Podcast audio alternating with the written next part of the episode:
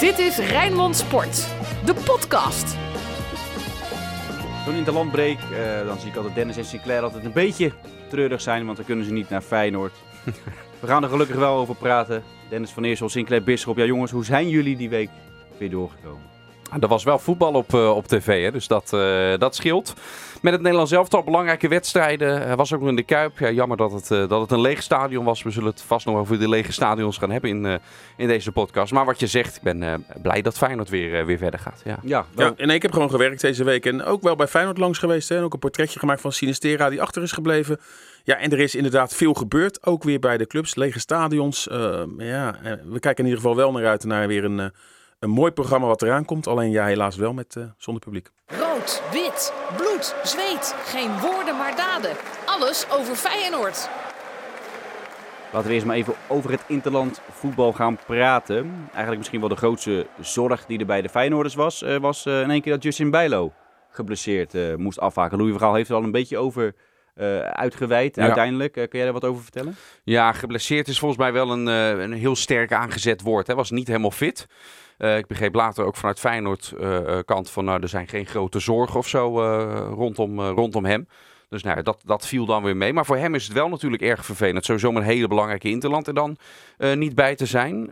Um, um, hij is natuurlijk nog niet onbetwist daar. Ook bij het Nederlands elftal de eerste keeper. Ja, dan is je fitheid is wel, uh, wel essentieel om die plek vast te houden, denk ik.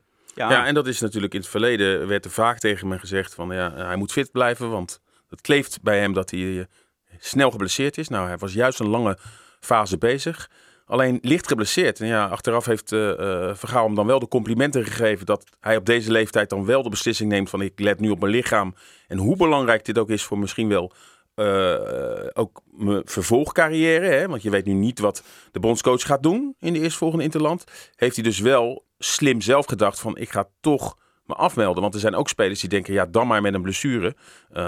spuit erin en dan gaan we ervoor. Nou, dit is denk ik wel heel slim. En ja, laten we eerlijk zijn. Uh, uh, in het komend jaar heeft uh, Bijlo gewoon een jaar weer de kans om aan Vergaal gewoon te laten zien dat hij de beste keeper is van de keepers die geselecteerd zijn. Dus ik denk dat het slim van hem is en voor Feyenoord ook goed. Want er komt wel een hele belangrijke periode tot de winterstop nu aan. Waarin we eigenlijk wel gaan weten, hè, gaat Feyenoord in Europa nog meedoen? Gaat Feyenoord echt meedoen met Ajax en PSV? Dus ik denk dat dit wel de beste oplossing was voor alle partijen. Geen twijfel dat hij in het doel staat tegen Pek Zwolle? Met, met de geluiden die ik hoor, is daar uh, op dit moment geen twijfel uh, over. Maar goed, er komt nog een persconferentie. Op het moment dat we dit opnemen, gaat er nog een persconferentie komen. En die vraag ga ik stellen natuurlijk aan, uh, aan slot. En ook voor andere spelers. Je moet altijd maar afwachten hoe iedereen dan uit zo'n break is gekomen. Ja, en heel misschien dat de wedstrijd tegen Pexolle dan nog te vroeg zou komen. Maar zeker niet het resterend programma, hè, wat er dadelijk gaat komen. Met heel snel al naar Praag komend weekend. inhaalwedstrijd krijg je natuurlijk ook tegen Heracles 1 december. Nou ja, we kunnen het hele uh, uh, rijtje tot de winterstop opsommen met twee keer Twente, met Ajax. Maar KB Haifa thuis nog, dus ja, belangrijk dat hij erbij is. Zonder twee Noren tegenover het Nederlands elftal. Die zijn iets minder blij teruggekomen. Die eigenlijk al niet meer hadden verwacht dat ze überhaupt nog een kans zouden maken. Omdat ze tegen Letland hadden gelijk gespeeld. maar wat voor indruk maakte vooral Pedersen op jou? Nee, is daar gewoon echt een vaste waarde. Holmgren Pedersen noemen ze hem, want dat is zijn volledige achternaam. Wij uh, in Nederland hebben het al ingekort tot, uh, tot Marcus Pedersen. Uh, net zoals Jon Daal Thomasson, de, de Deen, altijd Thomasson werd genoemd. Maar eigenlijk is zijn achternaam is Daal Thomasson. Hè? Dus met Pedersen, met Pedersen gebeurt, gebeurt dat, datzelfde. Maar goed, voetbal inhoudelijk over, over hem. Ja, hij is, ook daar is hij een, een vaste waarde. Zoals hij dat bij Feyenoord in heel snel tempo is, is geworden. En hij wordt geroemd natuurlijk omdat hij breed inzetbaar is. Hè? Dus niet alleen rechts achterin, zoals we hem bij Feyenoord zien. Maar als hij op andere plekken op het veld komt, ook bij Feyenoord, is hij wel eens rechts voorin. Zelfs in een eindfase van een wedstrijd aanbeland. Ja, dat toont zijn veelzijdigheid. Het toont zijn, zijn, zijn diepgang qua longinhoud, hè? Uh, zijn fysiek, zijn capaciteit om, uh, om te blijven gaan. Ja, ja. alleen dus- hij kwam niet in zijn kracht te spelen. Want die Noren die hadden volgens mij niet ja. meegekregen dat ze moesten winnen. Nee, die dachten dat het 0-0 genoeg was. En, ja. en dan, ja, dan kan je elke back daar wel neerzetten als het alleen maar tegenhoudt. Dus dat is niet de sterkste kracht van Pedersen. Klopt. Dus hij was eigenlijk onzichtbaar. Doordat, ja, eigenlijk dat banen, dat moest hij doen. En ik had echt het idee, ja, als die Noren echt gevaarlijk uh, uh, of echt brutaal in de Kuip gaan spelen, in een lege Kuip, ja. met een opkomende Pedersen en gewoon een echte aanval. Daily Blind. Ja, dan had het misschien toch nog wel uh, ja, echt een wedstrijd kunnen worden. Maar die Noren deden helemaal niets aan. En ik kan me wel voorstellen dat Pedersen wel natuurlijk wel blij is dat hij international is. Maar dat dit eh, eh, eh, ja, eigenlijk vervelend is om in het elftal te staan. Nou, Uisnes op de bank gebleven.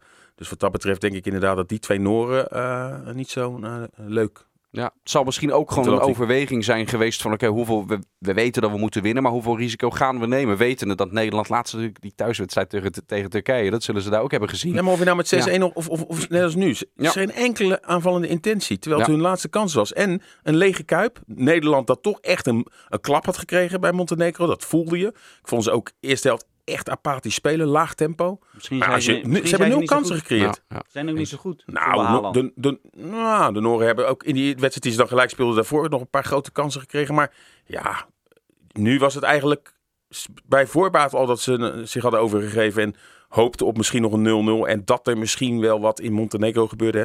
Als ze punten hadden gepakt tegen Nederland en Turkije had verloren, hadden ze alsnog play-offs gehad. Maar ja, ik denk eh, dik verdiend dat die Noren niet op het eh, WK te zien zijn. Wie er misschien nog wel naar het WK gaat. En ik denk dat die speler het meest trots eh, terug gaat komen van, eh, van alle Feyenoorders die eh, weg of over zijn gevlogen over de hele wereld. Dat is natuurlijk ook een kutje. Ja, de, de, de matchwinner ook. Hè? En, en wat een goal ook. eh, hoe, die hem, eh, hoe die hem maakt. Dus ja, dat, eh, kijk, dat blijft toch altijd iets eh, eh, met spelers. En dan kun je een meer controlerende rol op het middenveld eh, hebben bij Feyenoord nu. Maar waarmee je uiteindelijk altijd onder de aandacht komt, is natuurlijk met, met doelpunten. hè. Wanneer kreeg Marcos Senesi de meeste eh, aandacht bij Feyenoord? Ja, na die geweldige goal tegen Fortuna of die omhaal tegen, tegen ADO. Terwijl dat helemaal zijn functie Nee. eigenlijk niet is. Hè? Dus datzelfde geldt nu met, eh met Kuksu. Ja, en dan groeit wel je status. Hè? Dan, dan je langzaam misschien een vaste waarde ook in dat nationaal elftal eh eh, te Hij was worden. invaller, hè? Hij was invaller. Nee, zeker. Ja. Maar dit, dit helpt wel je status vergroten om uiteindelijk misschien eh, daar eh, te komen. Eh, dat begint uiteindelijk heel vaak in zo'n kant om. Het kan een essentieel doelpunt zijn. En dit was voor Turkije natuurlijk een, eh, een essentiële goal. Zijn eerste, dus dat is leuk Ja, voor hem. ook dat. Ja. En eh, ja, daardoor gaan ze wel naar de play-offs. Waar ze ja, heel misschien nog wel een WK-ticket halen. Maar eh, ja, eh, leuk voor hem. Ik moet zeggen, had wel wat geluk. Hè? Die bal werd, er, eh, werd, werd van Ja. richting veranderd. Maar ja, hij speelde ook wel wat aanvallender als bij Feyenoord. Bij, bij die Ja, ik wou het zeggen, want dit mag hij bij Feyenoord ook Ja. wel eens doen, toch? Een Maar keertje te- ja. de bal in de Maar tegen. Gibraltar had hij nog een assist. Mocht hij de corners nemen. Dus wat dat betreft komt hij inderdaad met een, met een goed gevoel terug. Louis Sinistera. Ik dacht, eh, je laat hem wel zijn eigen liedje zingen, maar dat, eh dat deed ik niet. nee, dat, eh, zover is het nog niet. Laat, we het maar bij het voetbal houden, want dat gaat gelukkig goed. Nee, ik heb hem dus deze week gesproken, want hij bleef achter. Niet leuk voor hem. Denk wel leuk en goed voor, voor Feyenoord. Ja, misschien op lange termijn niet meer op korte termijn. Want ja, vorige keer hebben we gezien in het vorige blok dat hij RKC moest missen. Nou, dat was de enige wedstrijd die niet werd gewonnen. Hij werd nodig gemist. Nu is hij er dan wel bij. Heeft ook wel wat uit kunnen rusten. Is natuurlijk best wel, eh, nadat hij natuurlijk moest terugkomen van die zware blessure, is er best wel een beroep op hem gedaan. Nu natuurlijk ook onder Arne Slot, hoe anders die voetbal met een heel veel wedstrijden. En dan is het ook wel eens lekker. Hij werd natuurlijk ook in de voorgaande periodes opgeroepen voor de nationale ploeg. Dat hij eventjes wat rust heeft gekregen. Dus ja, ik verwacht de komende weken echt een frisse, ehm eh, getergde Luis Sinistera. Omdat hij natuurlijk wel met eh, Colombia naar het WK straks wil. Mocht Colombia zich plaatsen. Eh, ik vond het wel opvallend dat hij niet was geselecteerd. Want hij is in vorm. Natuurlijk zeg jij dan heel snel... Ja, je weet niet hoe al die andere spitsen het daar doen. Nee. Maar in de voorgaande periode zat hij er iedere keer wel bij. Ja.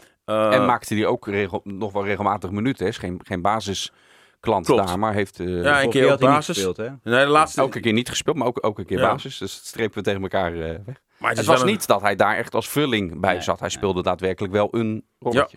En daarom, eh, ja, vervelend voor hem, maar wel goed, denk ik, voor Feyenoord. Anders had hij ook tegen Pek Zwolle waarschijnlijk niet meegedaan. Dat hij dan pas in de loop van zaterdag, zondag had teruggekeerd. Ja, en nogmaals, zoals we ook begonnen, er komt echt een belangrijk blok aan voor Feyenoord tot de winterstop. Zeker ook zonder publiek, waar we weten, eh, ook voor, aan vorig jaar, hoe belangrijk het is, eh Feyenoord thuis zonder publiek. Dus, eh, en, en veel thuiswedstrijden op stapel. Dus eh, wat dat betreft, goed dat hij er is. Hij klinkt een beetje als Arne Slot nu, hè? Met er komt een heel belangrijk Een blok, blok. aan. Ja.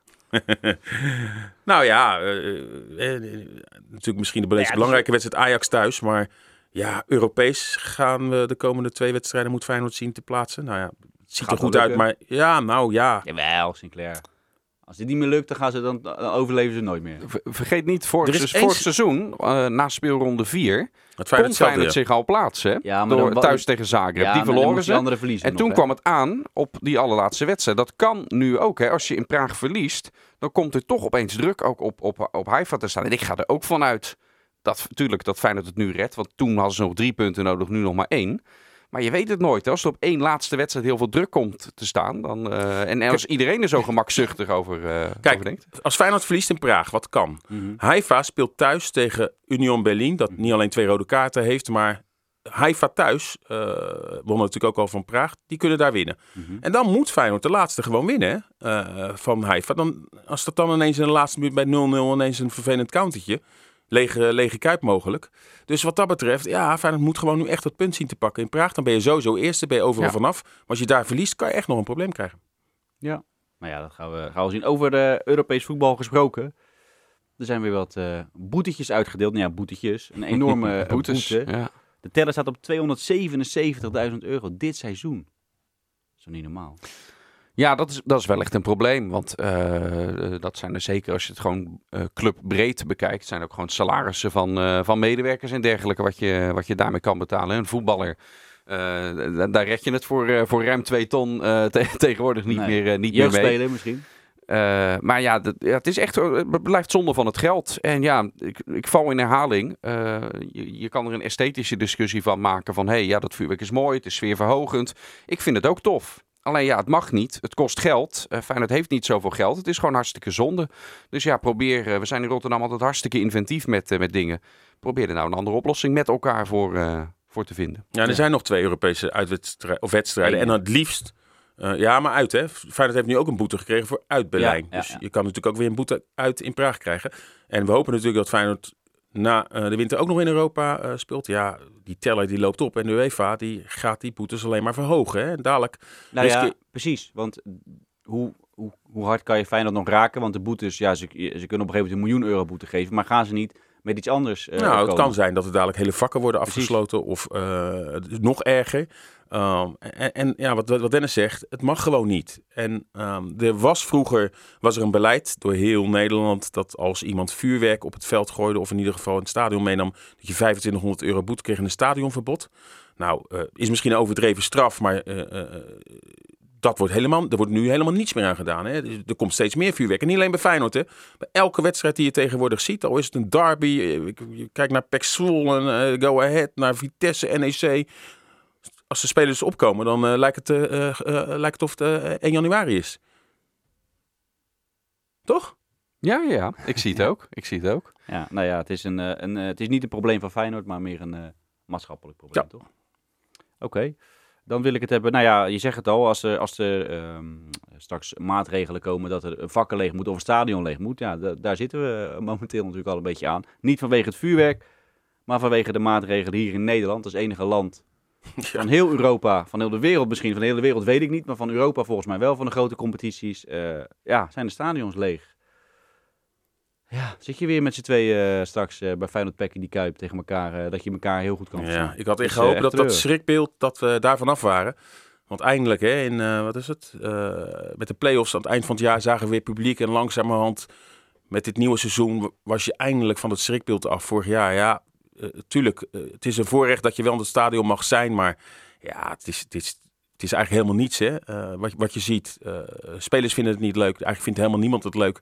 En ja, met het publiek, daar is voetbal voor gemaakt. En ja, aan de ene kant begrijp ik eh, het niet, dat het is uitgesteld. Dat niet is uitgesteld. Maar aan de andere kant, ja, het is natuurlijk heel reëel om, te denken dat het dadelijk niet alleen bij die drie weken blijft. Dus ja, hoe lang ga je de competitie dan uitstellen? Maar ja, dit is iets wat, ja, heel Europa, heel de wereld, daar heb je publiek.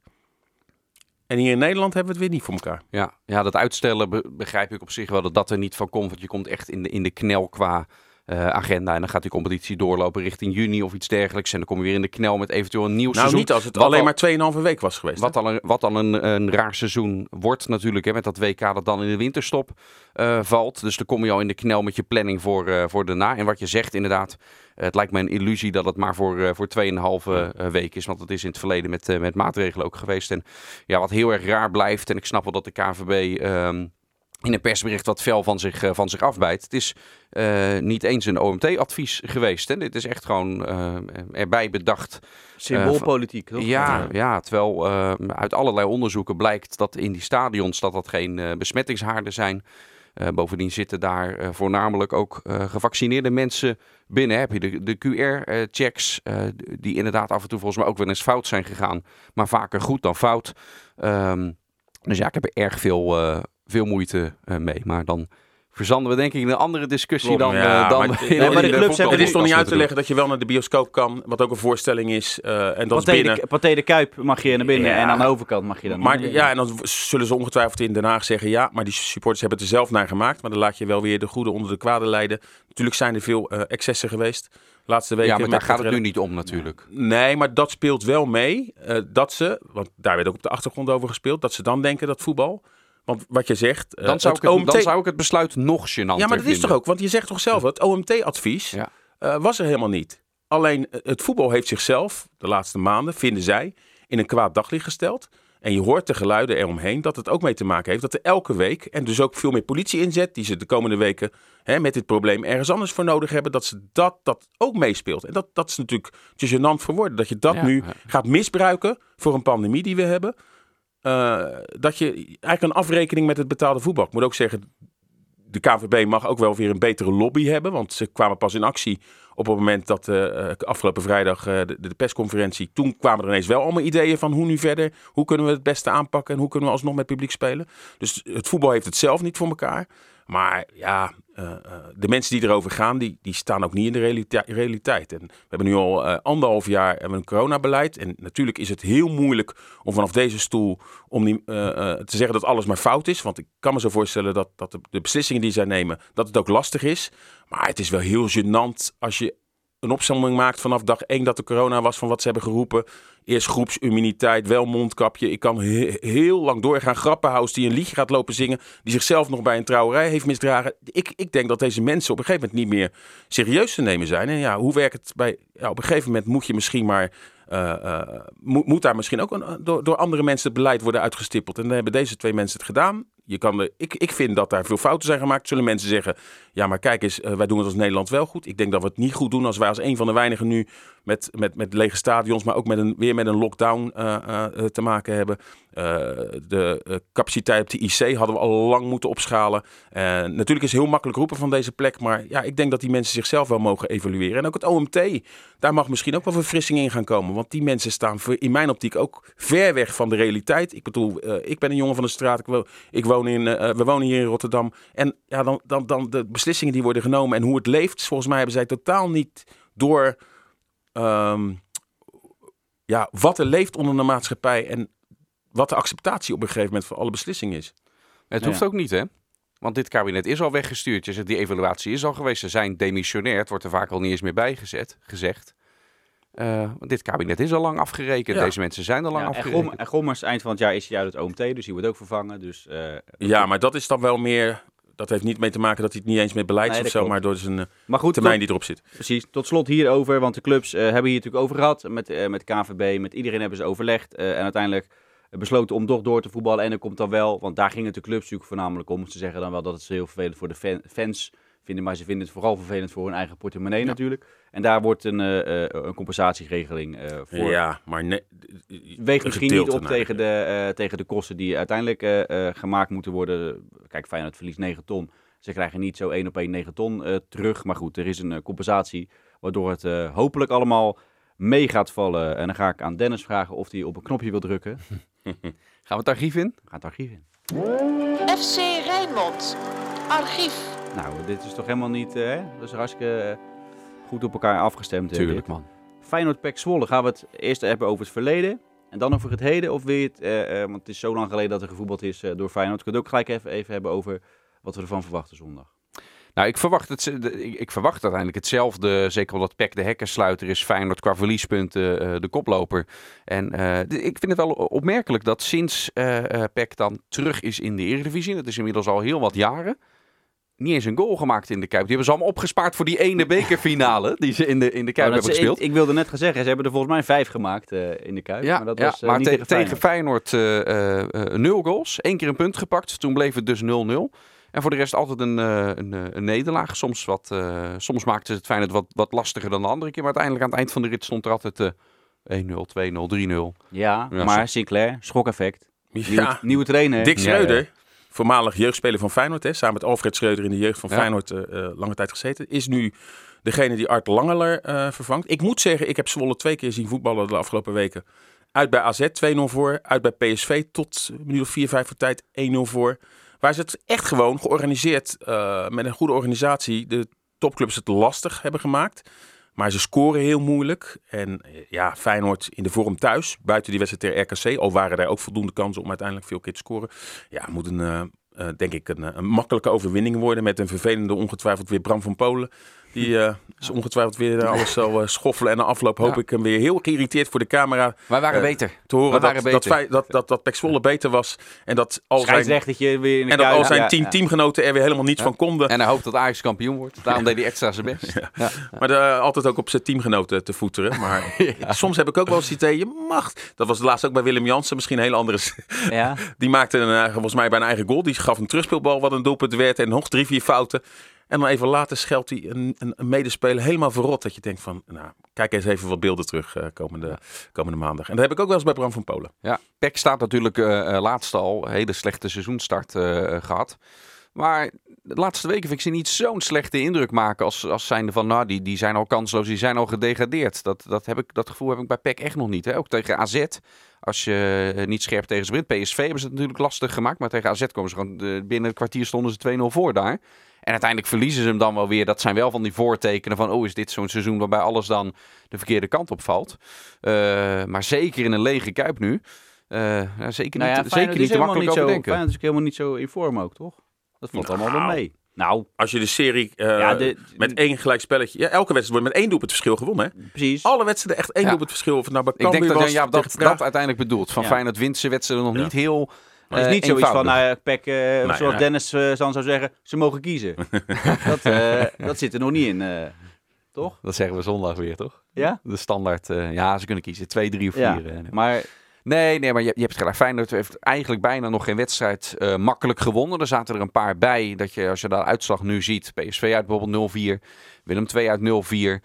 Eh, uiteindelijk maken ze het tegen NEC 5. Maar we weten allemaal hoe die wedstrijd liep. Dat was verre van makkelijk. Eh, maar Feyenoord speelt wel structureel dermate veel kansen bij elkaar.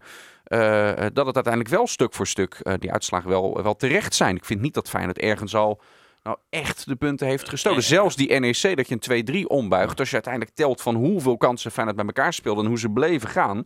Vind ik het uiteindelijk Ja. wel, wel terecht. Er is En als- niet veel gestolen, toch? Nee, en als het komende zondag echt lastig wordt, dan gooi je gewoon Dessus weer erbij. En dan schiet je weer ja, binnen. Ja. Tijdens de break ook weer, ook als Ja. basisspeler. Maar Je kan weer 4 in worden. één eh, in wedstrijd. Vier tegen NEC ook, ja. Ja. jij had het net al even over eh, een klein beetje het archief ingedoken dat ze weinig doelpunten eh, eh, gemaakt hebben in de Kuip. Eh, als jij aan, eh, aan Feyenoord Pek Zwolle denkt, Ja, doordat ze heel lang in de eerste divisie eh, hebben gezeten, zijn er niet zo heel veel recente edities. Ik kan me er eentje met Pelle herinneren. Dat was een van de weinige wedstrijden in de laatste jaren dat ik ook echt als supporter eh, weer eens in de Kuip zat. En toen was een van de eerste wedstrijden van Pelle die in die wedstrijd mij overtuigde. 2 of 3-0 werd er gewonnen. Maar ik ga gewoon voor vorig jaar. Net na de winterstop. Eh, geen goede wedstrijd, maar Sinistera eh, vlak na rust met een prachtige solo schoot hij de 1-0 dat is nu binnen. je vriend, hè? Dat is Nou, dat was wel het moment dat je weer had, yes, dat je het zo gunde. Want dat was weer zijn eerste doelpunt Ah, ja. na die hele lange afwezigheid van een jaar. eh, dat je het, ja, zoiets had van, oké, yes, hij is terug. En je zag ook die ontlading bij hem en bij alle teamgenoten voor hem. Dus vorig jaar werd het 1-0. Dat was die wedstrijd nadat eh, Bram van Polen weer voor de camera zei... en onterecht en dit en dat, dat hij weer ging zitten janken. Maar ehm, dan ga ik voor die editie. Vorig jaar januari, jaartje geleden, 1-0 Louis Sinistera. Ik hoop dat Bram van Polen luistert. Dennis. Neem aan van wel. Neem aan van wel. Ja, ik, had, ik had dezelfde. Op me, ja, dat is een beetje flauw. Dat is, dat is een beetje flauw, jongens. Omdat, maar Moet even- omdat, ik kan ze ook niet zo goed meer uit elkaar houden. Omdat ze allemaal zo op elkaar eh, leken, ook qua uitslag. En dan weet ik niet meer welke 1-0 was, was nou welke 1-0. Maar het is dus eigenlijk, Ja, je hebt ook wat jullie vroeger- eigenlijk willen zeggen, dat er eigenlijk niet echt een, een, een, een Feyenoord er niet die was. bij- Nou, er is een hele legendarische Feyenoord. eh, eh, toen was het nog. Ja, toen was ook Pek Zwolle. Ja. Eh, toen nam Johan Cruijff. eh, Feyenoord was al kampioen. En toen was het nog Feyenoord Pek Zwolle. En die nam toen eh, eigenlijk afscheid echt als voetballer. Hè. Ging nog op de schouders in de kuip. Ooit verguisd natuurlijk toen hij kwam bij Feyenoord. Eh, maar ja, uiteindelijk toch als een held. Doordat hij met Feyenoord de dubbel won. Ging die, en er zijn hele mooie beelden van. Ging hij zo die kleedkamer, zat nog aan de andere kant. Ging hij toen naar binnen met een biertje zat hij daar. En dat was de allerlaatste wedstrijd van Johan Cruijff. Dat was Feyenoord Zwolle. Uitslag uit mijn hoofd. Weet ik niet, volgens mij een gelijkspel of wel een overwinning. Nou, daar wil ik vanaf zijn. Maar ik weet nog wel die beelden. eh 84, ik was klein jongetje. helemaal Feyenoord-fan natuurlijk. Tien was ik. En ehm, eh Feyenoord, eh eh, Cruijff nam afscheid Feyenoord Zwolle. Nadat Feyenoord een week te eerder of twee weken ervoor kampioen was geworden. Van eh, Johan Cruijff is de kleine stap naar eh, Giovanni van Bronckhorst. Ja, Hey, weer werk, eindelijk. Mooie, ja mooie, mooie clubvorm heeft daar, natuurlijk, eh, heeft daar natuurlijk gespeeld. Ik denk dat het goed bij hem, eh, goed bij hem past. Eh, het spreekt wat meer aan dan de, de, de club in China die die, eh, die die had natuurlijk. Ja, Ik denk dat dit ook sportief toch een grotere, grotere uitdaging is. Rangers natuurlijk weer helemaal eh, on- onder Steven Gerrard helemaal opgeklommen weer. Hè. Kampioen zelfs weer geworden na hele donkere jaren die ze hebben gehad. Dus qua instapmoment is het wel anders dan... hoe hij bij Feyenoord begonnen, dat was na dat jaar van Fred Rutte een van de slechtste eh, jaren in de, in de recente clubgeschiedenis. En nu bij Rangers stapt hij juist in het moment dat het eigenlijk weer, weer goed gaat met die, met, met die eh, ik, ging bijna, ik praat bijna als dat het goed gaat. Of, eh, op die manier. Ehm, eh, dus ja, dat, dat is wel een, een, een, een risico-ding. maar goed. Ja, al staan ze bovenaan, doen Ja. het goed in Europa. En Celtic is niet meer het Celtic van de laatste jaren. Nee. En als je heel slecht presteert, word je tweede in dat land. Ja, dat klopt. Je kan nooit derde worden. Dat is je ongelooflijk. speelt eh, vier keer tegen elkaar of zo, toch? Ja. In die competitie. Maar het is een geweldige. Wij zijn er natuurlijk eh, drie jaar geleden met Jaap Stam geweest. Toen Feyenoord daar Europees moest spelen. Het is een geweldige, echt een geweldige club. Ja. Toen was het. eh, de dood was er toen van Fernando Riksen. Ja, die dacht dag- dat Feyenoord de er was. dag voor werden de bloemen, wedstrijd. Ja. bloemen gelegd door eh, Berghuis, door, door, door Stam. Ehm, en ja, dat stadion kolkte. Uh, een prachtige club, geweldige club. Hij heeft er gezeten. Eh, en ja, we weten ook dat hij een familieman is. Nou, dit is wat dichter bij huis dan eh, in in China. Hij wordt daar gewaardeerd. Ik denk dat hij daar op zijn plaats zit. En leuk, minder leuk voor, eh, voor Rijnmond is dat we Roy Mackay kwijt zijn. Hè? Dat is onze analist eh, bij FC Rijnmond die geregeld aanschrijft, die nu assistent gaat worden. Wel leuk voor hem, die natuurlijk op een vervelende manier bij Feyenoord is weggegaan. Die vanuit de, krant moest lezen dat hij eh, ontslagen was bij Feyenoord. Nou, krijgt nu dus een herkansing bij toch een Europese topclub. Ja, want Van Gastel zit vast in China. Die is natuurlijk hoofdtrainer geworden in China. Eh, Dat klinkt heel, eh, heel, Zit heel vervelend. China, ja. Zit- Nee, maar hij heeft... eh, Dat moet je niet willen. Van Bronckhorst heeft ook nu wel de, de eh, eh, eer hoog te houden van Nederlandse trainers. Hè. Er zijn maar heel weinig Nederlandse trainers bij topclubs nog. Heel veel ontslagen. Peter Bos. Eh, nou ja, eh, van Ten Katen tot aan Koeman. Alles is de laatste weken ontslagen. We hebben maar heel Peter weinig. Bos zit er toch nog? Ja, Peter Bos noem ik. Ja, oh ja. Eh, dat is een van de weinigen. Oh, zo. Voor de rest zit er bijna Maar geen... misschien is die, heeft hij een visionair eh, blik. Hè? Ik weet niet hoe lang Bos het daar volhoudt. Nee, maar dus eh, ja, laten we hopen dat hij dan succes heeft. Want ja, Ja, het is natuurlijk geen Europese top, Rangers. Het is, het is een beetje... geen Europese top. subtop. Maar Het is subtop. Oké. Ehm, ik wil nog even één ding zeggen voordat we gaan afsluiten. Dat wij, eh, als je dit luistert op vrijdag, dat wij morgen op zaterdagochtend... en dan komt er een groot verhaal over de Feyenoord Academy. eh, geschreven door eh, Frank Stout. We zijn er geweest met de camera. Ehm, eh, fantastisch eh, hoe dat... eh, Ja. ehm, Leuke beelden ook daarbij in dat eh, artikel. Hè? Met een eh, rondleiding eh, bij de Academy. rondleiding met de Academy. de visie eigenlijk wordt... er is daar zo ontzettend veel veranderd. maar er was Ja. toch geen visie? Als je inderdaad, als je, ik wil net zeggen, als je die documentaire kijkt eh, eh, eh, van Disney, en moet je, die moet je eigenlijk even kijken. En daarna dit, dit, dit stuk lezen, dan denk je, ja, dit zit tien jaar tussen. Zoveel mensen met, die nieuw zijn met een idee. En allemaal een leuke Engelse term als, als titel hebben ze gekregen bij, bij Feyenoord ook. Hè. Daar ga je ook lekker met de tijd mee. Nee, echt, echt een hartstikke leuk verhaal. Dus ga dat lezen. Ga ons volgen. Zaterdag hebben we natuurlijk Sparta. Eh, waar we bij zijn tegen FC Twente. En eh, eh, zondag... Uh, Sinclair, jij bent er toch gewoon... Jij gaat dan naar Kasteel, toch? Ja, morgenavond. En zondag uh, Feyenoord Pact. En ja, zondag Feyenoord Pack. Dan zijn jullie met z'n tweeën in die lege kuip. Leeg kasteel, lege kuip. Ja, het is niet anders. Laten we hopen dat we er heel snel vanaf zijn. En uh, Ja. ja, toch? Ja. Tot de volgende podcast. Dit was Rijnmond Sport, de podcast. Meer sportnieuws op Rijnmond.nl en de Rijnmond app.